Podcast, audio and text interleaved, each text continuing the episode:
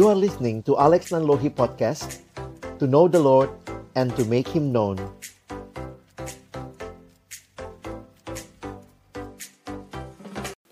Mari sama-sama kita berdoa sebelum kita membaca merenungkan firman Tuhan.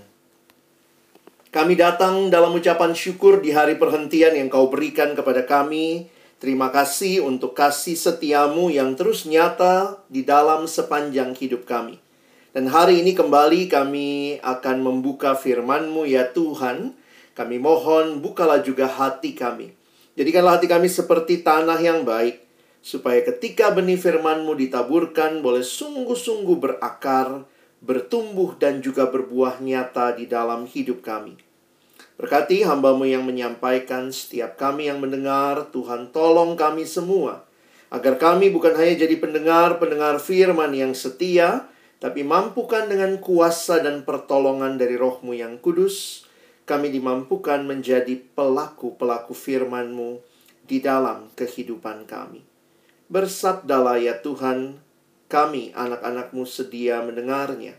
Di dalam satu nama yang kudus, nama yang berkuasa nama Tuhan kami Yesus Kristus, kami menyerahkan pemberitaan firman-Mu. Amin. Shalom, selamat hari Minggu. Jemaat yang dikasihi dalam Tuhan Yesus Kristus, kita bersyukur kepada Tuhan kesempatan beribadah Tuhan berikan kepada kita sekali lagi. Tongkat estafet, itulah yang menjadi tema kita pada hari ini. Jika kita melihat perlombaan lari estafet, maka tongkat estafet menjadi sebuah simbol di mana pelari sebelumnya menyerahkan tongkat itu kepada pelari sesudahnya. Sehingga di dalam kita menghayati akan hal ini juga dalam kehidupan kita bergereja. Ini pun bisa kita pahami dengan istilah yang beri, biasa disebut regenerasi. Apa itu regenerasi? Regenerasi adalah upaya mempersiapkan generasi berikutnya untuk meneruskan pelayanan dalam gereja sesuai tentunya dengan visi dan misi dari Tuhan. Dan di dalam Alkitab kita melihat banyak nasihat yang diberikan untuk memastikan upaya ini boleh terjadi. Dan bukan hanya di dalam gereja, bahkan di dalam lingkungan yang paling kecil seperti keluarga. Amsal 22 ayat 6 misalnya mengatakan, Didiklah orang muda menurut jalan yang patut baginya. Maka pada masa tuanya pun ia tidak akan menyimpang daripada jalan itu. Bapak ibu saudara yang dikasihi Tuhan, memperhatikan istilah didiklah. Di dalam terjemahan berbahasa Inggris, digunakan istilah train. Train is not only teach, bukan hanya ngajar supaya tahu, tetapi train lebih berkaitan dengan mendidik, melatih sampai bisa. Wah, itu sebuah tanggung jawab yang sangat penting. Jika Bapak Ibu, orang tua, membesarkan anak, mungkin Bapak Ibu memahami apa artinya train. Wah, anak saya sekarang sudah bisa makan, sendiri. Hasil dari apa? Dari train. Bukan hanya dikasih tahu makan sendiri ya, tetapi dilatih, ditolong sehingga dia bisa memegang sendok dengan benar, memasukkan makanan. Itulah yang disebut dengan melatih. Disebut dengan training. Di dalam Alkitab kita melihat bagaimana generasi yang sebelumnya juga mempersiapkan generasi selanjutnya. Misalnya kita melihat bagaimana contoh teladan dari Musa misalnya melatih mempersiapkan next leader Yosua. Kita melihat bagaimana Tuhan Yesus mempersiapkan juga para rasul pada waktu itu untuk melanjutkan tugas ketika Yesus kembali ke surga. Dan juga salah satu teladan yang menarik untuk kita perhatikan adalah bagaimana Rasul Paulus boleh melatih anak rohaninya Timotius untuk melanjutkan pelayanan, mempersiapkan Timotius untuk mengambil tongkat estafet yang diteruskan oleh Paulus kepada Timotius. Bagian firman Tuhan yang akan mendasari perenungan kita diambil di dalam 2 Timotius pasal yang keempat, ayat yang pertama sampai dengan ayat yang kedelapan. Saya akan membacakannya bagi kita. 2 Timotius 4 ayat 1 sampai dengan ayat yang ke-8. Di hadapan Allah dan Kristus Yesus yang akan menghakimi orang yang hidup dan yang mati, aku berpesan dengan sungguh-sungguh kepadamu demi penyataannya dan demi kerajaannya. Beritakanlah firman, siap sedialah, baik atau tidak baik waktunya. Nyatakanlah apa yang salah, tegurlah dan nasihatilah dengan segala kesabaran dan pengajaran. Karena akan datang waktunya orang tidak dapat lagi menerima ajaran sehat, tetapi mereka akan mengumpulkan guru-guru menurut kehendaknya untuk memuaskan keinginan telinganya. Mereka akan memalingkan telinganya dari kebenaran dan membukanya bagi dongeng. Tetapi kuasailah dirimu dalam segala hal. Sabarlah menderita, lakukanlah pekerjaan pemberita Injil, dan tunaikanlah tugas pelayananmu. Mengenai diriku, darahku sudah mulai dicurahkan sebagai persembahan, dan saat kematianku sudah dekat. Aku telah mengakhiri pertandingan yang baik, aku telah mencapai garis akhir, dan aku telah memelihara iman. Sekarang telah tersedia bagiku mahkota kebenaran yang akan dikaruniakan kepadaku oleh Tuhan Hakim yang adil pada harinya. Tetapi bukan hanya kepadaku, melainkan juga kepada semua orang yang merindukan kedatangannya. Ketika membaca 2 Timotius pasal yang keempat, ini adalah bagian terakhir dalam surat 2 Timotius. Bahkan beberapa penafsir mengatakan bahwa ini adalah surat terakhir di akhir hidup Paulus sebelum akhirnya Paulus mati sebagai martir. Demikian yang dicatat di dalam sejarah gereja. Apa sebenarnya situasi yang terjadi pada masa itu? Jika kita memperhatikan latar belakang dalam penulisan surat ini, ada kondisi yang terjadi pada saat itu, di mana kekristenan pada waktu itu mengalami ancaman yang besar ketika kekristenan ada di daerah pada waktu itu daerah bagian barat Asia kecil. Secara khusus di kota Efesus, tempat Paulus meminta Timotius untuk melayani. Efesus merupakan kota metropolitan pada waktu itu dengan berbagai bagian-bagian yang menarik, filsafat-filsafat yang menarik ada di sana. Di tengah situasi itu, Paulus meminta Timotius untuk melayani di kota Efesus. Ada dua ancaman yang melanda gereja pada masa itu, gereja yang masih sangat minoritas. Ancaman yang pertama datangnya dari luar, yaitu dari pihak orang-orang yang tidak senang dengan kekristenan.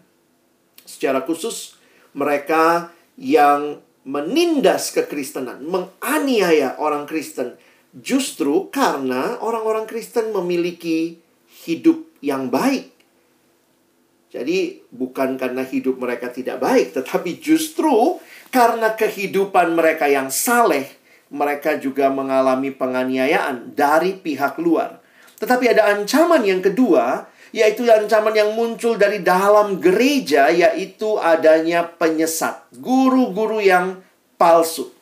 Dan kalau kita membaca keseluruhan 2 Timotius, kita akan melihat bagaimana Paulus meneguhkan Timotius di tengah-tengah ancaman penganiayaan dan ancaman penyesatan yang melanda gereja Tuhan pada waktu itu. Ditambah lagi, Paulus sedang berada di penjara Roma karena dia memberitakan Injil. Jadi ini bukan situasi yang indah, ini bukan situasi yang menyenangkan, Ancaman dari luar, penganiayaan. Ancaman dari dalam, penyesatan. Pemimpinnya lagi di penjara.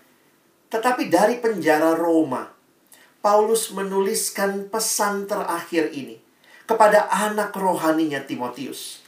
Kira-kira apa yang Paulus pesankan? Apakah Paulus pesankan Timotius nanti tolong makam saya dibuat yang bagus ya? Nanti Timotius bikin upacara pemakaman yang indah ya. Tetapi bukan demikian. Di dalam surat terakhir ini, tongkat estafet harus diteruskan. Karena itu, muncul perintah yang Paulus berikan kepada Timotius yang sangat jelas di dalam 2 Timotius pasal 4 ayat kedua dan ayat yang kelima. Perhatikan. Ini adalah perintah untuk terus memberitakan Injil. Beritakanlah firman. Siap sedialah, baik atau tidak baik waktunya.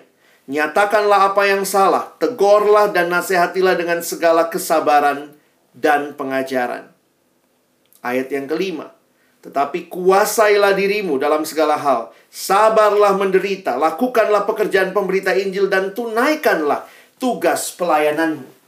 Perhatikan di tengah-tengah situasi yang sulit. Paulus menegaskan bagaimana Injil harus terus diberitakan.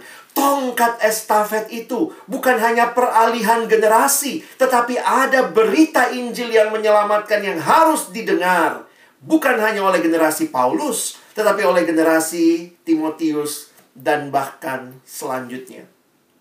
Karena itu menarik sekali. Di akhir kehidupan Paulus, pesan utamanya teruslah memberitakan Injil, hai anakku Timotius. Teruslah memberitakan Injil pada segala kesempatan, dalam segala kebenaran, dan dengan segala usaha. Dan bukan kali pertama Paulus menyampaikan itu di dalam surat 2 Timotius. Tetapi di dalam pasal yang kedua, 2 Timotius pasal yang kedua, di dalam ayat yang kedua, Paulus juga sudah menasihatkan Timotius. Apa yang telah engkau dengar daripadaku di depan banyak saksi, Percayakanlah itu juga kepada orang-orang yang dapat dipercayai, yang juga cakap mengajar orang lain. Perhatikan, di dalam ayat yang sederhana ini, ada empat generasi yang Paulus sampaikan. Pertama Paulus ya, apa yang telah engkau dengar daripadaku, dari Paulus. Engkau ya anak rohaninya Timotius. Percayakanlah Timotius kepada orang yang dapat dipercaya. Ini generasi yang ketiga. Yang juga cakap mengajar orang lain. Ini generasi yang keempat. Menunjukkan bahwa Injil harus diberitakan. Untuk orang-orang boleh datang dan mengenal siapa Yesus.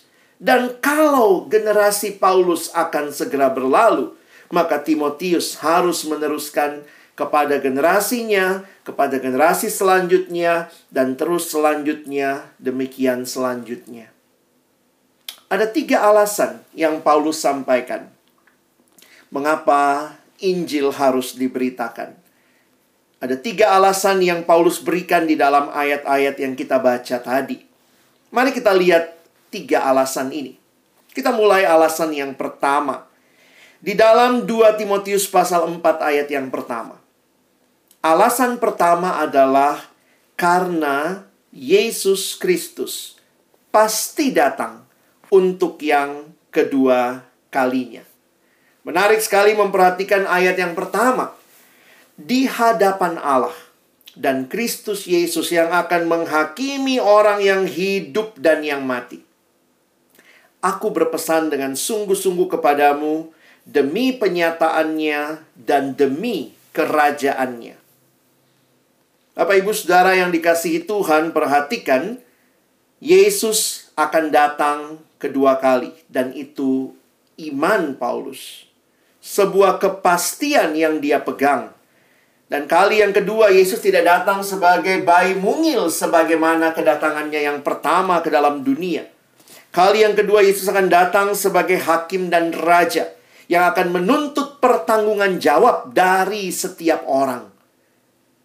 Dan inilah alasan dikatakan Paulus. bahwa semua orang akan menghadap tahta Kristus. Karena itu kiranya mereka mengenal siapa Yesus supaya akhirnya pengadilan terakhir itu juga boleh menyatakan siapa yang percaya akan mendapatkan hidup yang kekal.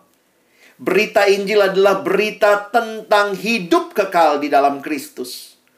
Dan karena dia akan datang dan dia pasti datang, biarlah terus disampaikan dari generasi kepada generasi. Namun bukan hanya itu.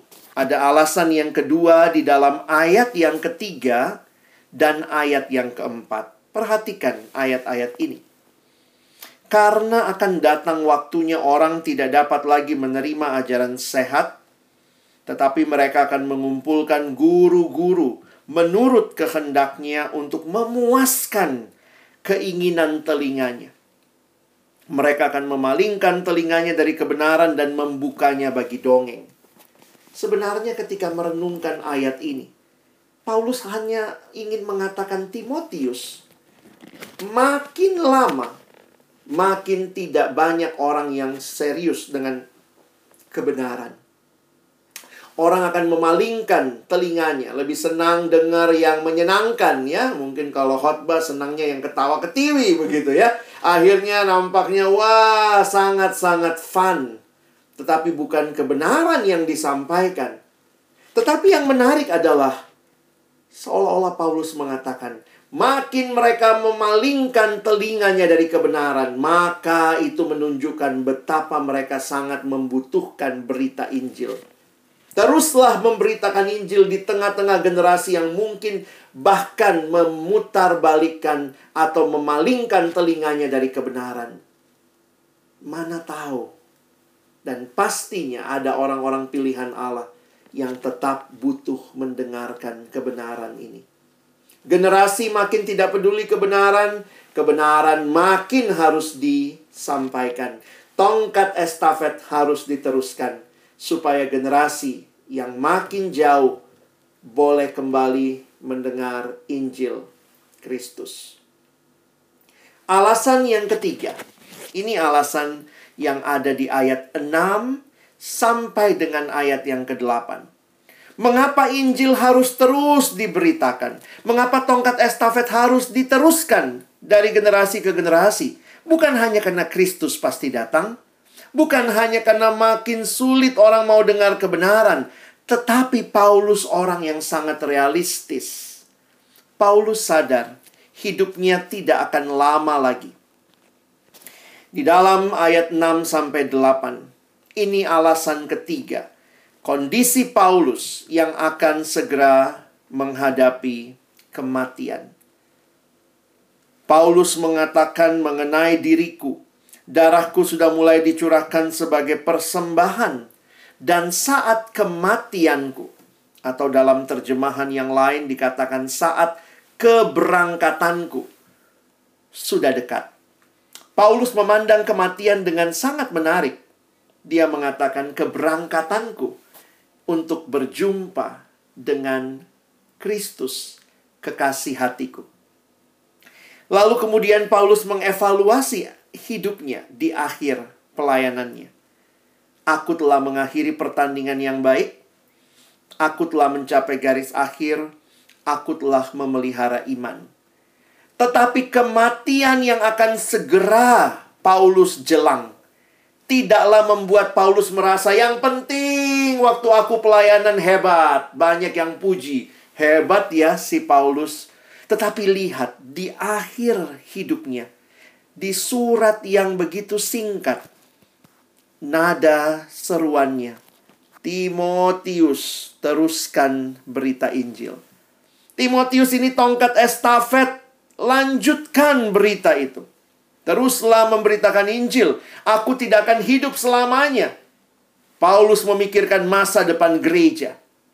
Karena itu, Paulus tidak berhenti dalam dirinya. Seolah-olah sang pelari tua namanya Paulus sudah ada di penjara yang dingin dan gelap Membayangkan Paulus berlari di arena, sudah berlari dengan terseok-seok, sambil tangannya memberikan tongkat estafet. Timotius, lanjutkan, lanjutkan. Bapak Ibu Saudara yang dikasihi Tuhan, gereja yang memikirkan masa depan bukan gereja yang hanya berhenti di masa kini. Bukan hanya gereja yang generasi tertentu mengatakan hebat waktu zaman kami. Wah, waktu saya jadi majelis, waktu saya jadi pengurus, hebat di masa kami. Program-programnya luar biasa. Tetapi gereja yang memperhatikan masa depan, gereja yang memastikan setelah aku tidak ada lagi apakah generasi selanjutnya tetap mendengar kebenaran, tetap hidup di dalam kebenaran. Karena itu harus mempersiapkan generasi sebelumnya. Bapak Ibu Saudara, gereja yang saudara dan saya mungkin juga terlibat adalah gereja yang intergenerasi ya. Ada generasi yang lebih tua, ada generasi yang lebih muda, bahkan ada anak-anak. Kita ada dalam sebuah gereja yang intergenerasi pastikan bahwa terus tongkat estafet itu diteruskan dari generasi kepada generasi. Yang lebih tua harus ingat tidak bakal hidup selamanya. Yang lebih muda harus siap karena saya akan melanjutkan tanggung jawab ini dan kemudian melanjutkannya kembali. Bagaimana Paulus mempersiapkan Timotius? Banyak orang yang mungkin tidak sadar bahwa ternyata ketika Paulus menulis surat 2 Timotius, Paulus telah bersama Timotius kurang lebih 16 tahun. Jika kita melihat dalam perjalanan misi Paulus yang kedua, sejak Paulus mengajak Timotius itu jaraknya 16 tahun sampai ketika Paulus menulis 2 Timotius sebuah waktu yang tidak singkat untuk mempersiapkan generasi. Apa yang Paulus lakukan? Kalau saudara memperhatikan di dalam 2 Timotius pasal yang ketiga. Perhatikan ayat 10 dan ayat yang ke-11. Paulus berkata, tetapi engkau telah mengikuti ada tujuh ku yang Paulus sampaikan. Telah mengikuti ajaranku, cara hidupku, pendirianku, imanku, kesabaranku, kasihku, dan ketekunanku. Bapak Ibu yang dikasihi Tuhan, saya bisa kelihatan pengajarannya waktu saya khotbah di depan Bapak Ibu sekalian.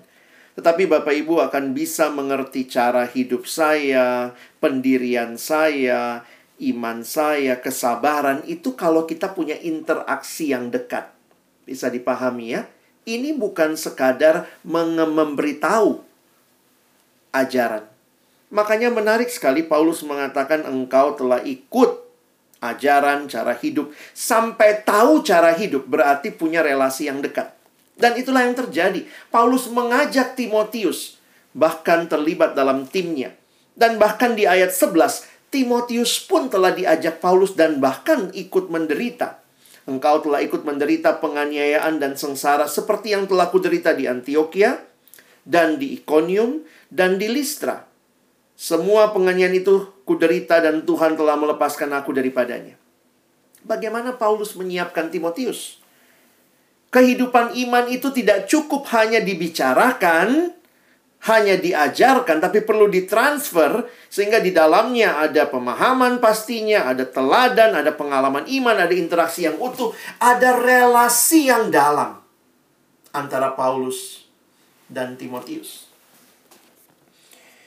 Bapak Ibu Saudara yang dikasihi Tuhan, kita biasa menyebutnya dengan pemuridan. Paulus memuridkan Timotius.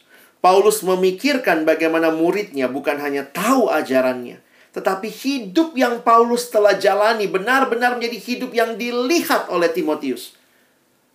Sehingga di dalamnya pemuridan bukan hanya belajar bahan-bahan, tetapi benar-benar bagi hidup satu dengan yang lain. Dalam sebuah buku berjudul Generasi Penuh Hasrat, sebuah buku terjemahan yang ditulis oleh seorang pendeta milenial, bernama Grant Skeldon. Buku aslinya berjudul The Passion Generation. Bagi saya menarik ketika saya membaca buku ini, membaca dan akhirnya menyadari pemahaman utama yang mau disampaikan oleh Grant Skeldon melalui buku ini. Dia katakan, the church doesn't have a millennial problem. It has a discipleship problem. Masalah utama gereja bukannya, wah ini milenial ini, anak sekarang kurang konsentrasi, anak sekarang kurang ini. Kadang-kadang begitu rupa diskusi tentang milenial, tetapi pertanyaan Grant Skeldon adalah begini. Apakah generasi sebelumnya benar-benar menyiapkan generasi sesudahnya untuk melanjutkan tanggung jawab? Dan itu terjadi ketika ada pemuridan di dalam gereja Generasi yang lebih tua memimpin generasi yang lebih muda.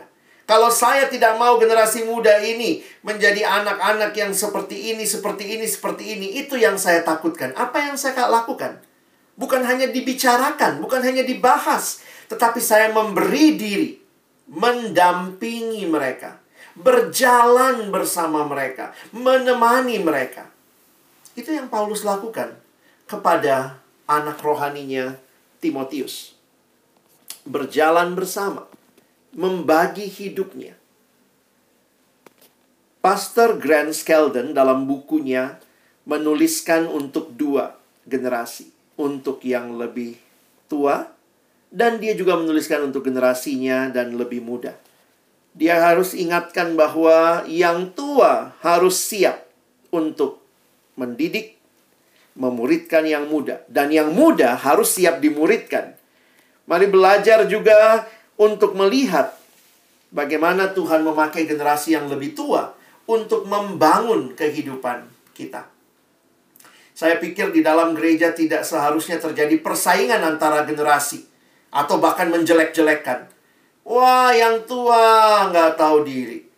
Terus yang tua juga bilang, yang muda nggak bisa diharapkan. Akhirnya sering kali dalam gereja antar generasi, yang terjadi adalah saing-saingan. Siapa yang lebih bagus? Siapa yang lebih baik? Dan akhirnya kita bukan membangun gereja, kita bersaing di dalam gereja. Harusnya gereja saling membangun satu sama lain. Yang tua butuh yang muda, yang muda butuh yang tua. Yang muda ini sering kali dengan kemudaannya, semangatnya, punya kemampuan, tapi mungkin kurang hikmat. Nah, yang tua dengan pengalaman bisa membagikan hikmat kehidupan. Betapa indahnya ketika ini menjadi sebuah kesatuan yang indah, yang di dalamnya saling berbagi untuk membangun tubuh Kristus. Saya bersyukur melihat masa pandemi dengan segala hal yang kita sesali karena tidak bisa begini, tidak bisa begitu. Tetapi masa pandemi ini menunjukkan betapa generasi saling membutuhkan. Yang tua susah nggak ngerti gimana Zoom. Eh, tanya sama yang muda. Gimana mau kebaktian minggu? Yang muda bukain YouTube. Jadi akhirnya saya melihat ya kita saling membutuhkan kok. Tidak ada yang lebih baik warisan yang harusnya ada adalah yang tua memberikan teladan bagi yang muda. Dan yang muda siap belajar dari yang tua. Jadilah teladan, tetapi mau melakukan dan menerima teladan ini juga bagian yang penting. Kiranya di dalam gereja terjadi hal seperti ini. Sehingga gereja bukan hanya menjadi gereja milik orang tua, atau bahkan di beberapa gereja orang tuanya disingkirkan. Gereja hanya menjadi milik orang muda. Tidak. Gereja adalah milik kita bersama di dalam Kristus antar generasi. Tetapi kita pun harus berpikir bagaimana generasi ke depan bisa terus mendengarkan berita Injil. Proses regenerasi terbaik dimulai dengan adanya life transfer, membagi hidup, adanya pemuridan di mana generasi yang sebelumnya boleh membangun generasi selanjutnya. Dan ini yang kiranya terjadi. Dalam prinsip regenerasi, sering kali yang tua ke yang muda terjadi seperti ini. Pertama-tama saya melakukan, yang tua melakukan, kamu yang muda lihat. Nanti kemudian saya melakukan, sekarang mulai dilibatin, kamu bantu ya. Lalu selanjutnya, kamu yang melakukan, saya yang bantu. Dan akhirnya, kamu melakukan, saya yang lihat. Sehingga akhirnya terjadi regenerasi. Prinsipnya mengalami, dilibatkan, dan akhirnya diutus. Kiranya ketika kita mendengarkan firman Tuhan hari ini, kita sama-sama mengevaluasi bagaimana gereja kita. Kiranya menjadi gereja yang meneruskan tongkat estafet itu. Karena setiap generasi paham betul bagaimana saya harus melanjutkan kepada generasi selanjutnya dan memastikan prosesnya berlangsung dengan baik. Saya menutup dengan kutipan dari pendeta John Piper. Dalam satu kutipannya berbahasa Inggris dia mengatakan, "It is the biblical duty of every generation of Christians to see to it that the next generation hears about the mighty acts of God." ini adalah tugas tanggung jawab Alkitabiah. Seturut dengan apa yang Alkitab nyatakan.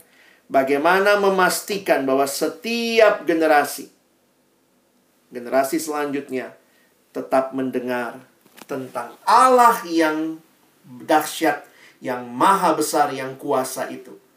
Kiranya kita boleh serius untuk melanjutkan tongkat estafet ini dari generasi kepada generasi. Kiranya Tuhan menolong kita, bukan cuma jadi pendengar-pendengar firman yang setia, tapi sungguh boleh jadi pelaku-pelaku firman-Nya. Mari kita berdoa. Tuhan terima kasih untuk firman-Mu. Terima kasih untuk setiap kebenaran yang mengingatkan kami, memerdekakan kami untuk kami hidup bagimu. Kami sungguh bersyukur karena di dalam gereja Tuhan kami hadir dari berbagai generasi. Bukan untuk bersaing, tetapi untuk sama-sama berbagi dan saling membangun. Memastikan setiap generasi mendengar tentang Allah yang hidup dan berkuasa. Dan akhirnya boleh menjadi berita yang diteruskan dari generasi kepada generasi. Sekali lagi kami bersyukur kami mohon tolong kami, bukan cuma jadi pendengar firman, tetapi menjadi pelaku-pelaku firman-Mu di dalam kehidupan kami. Ini doa kami, ucapan syukur kami. Kami menutup firman Tuhan di dalam satu nama yang kudus. Nama Tuhan kami Yesus Kristus, penebus dan juru selamat kami yang hidup. Amin.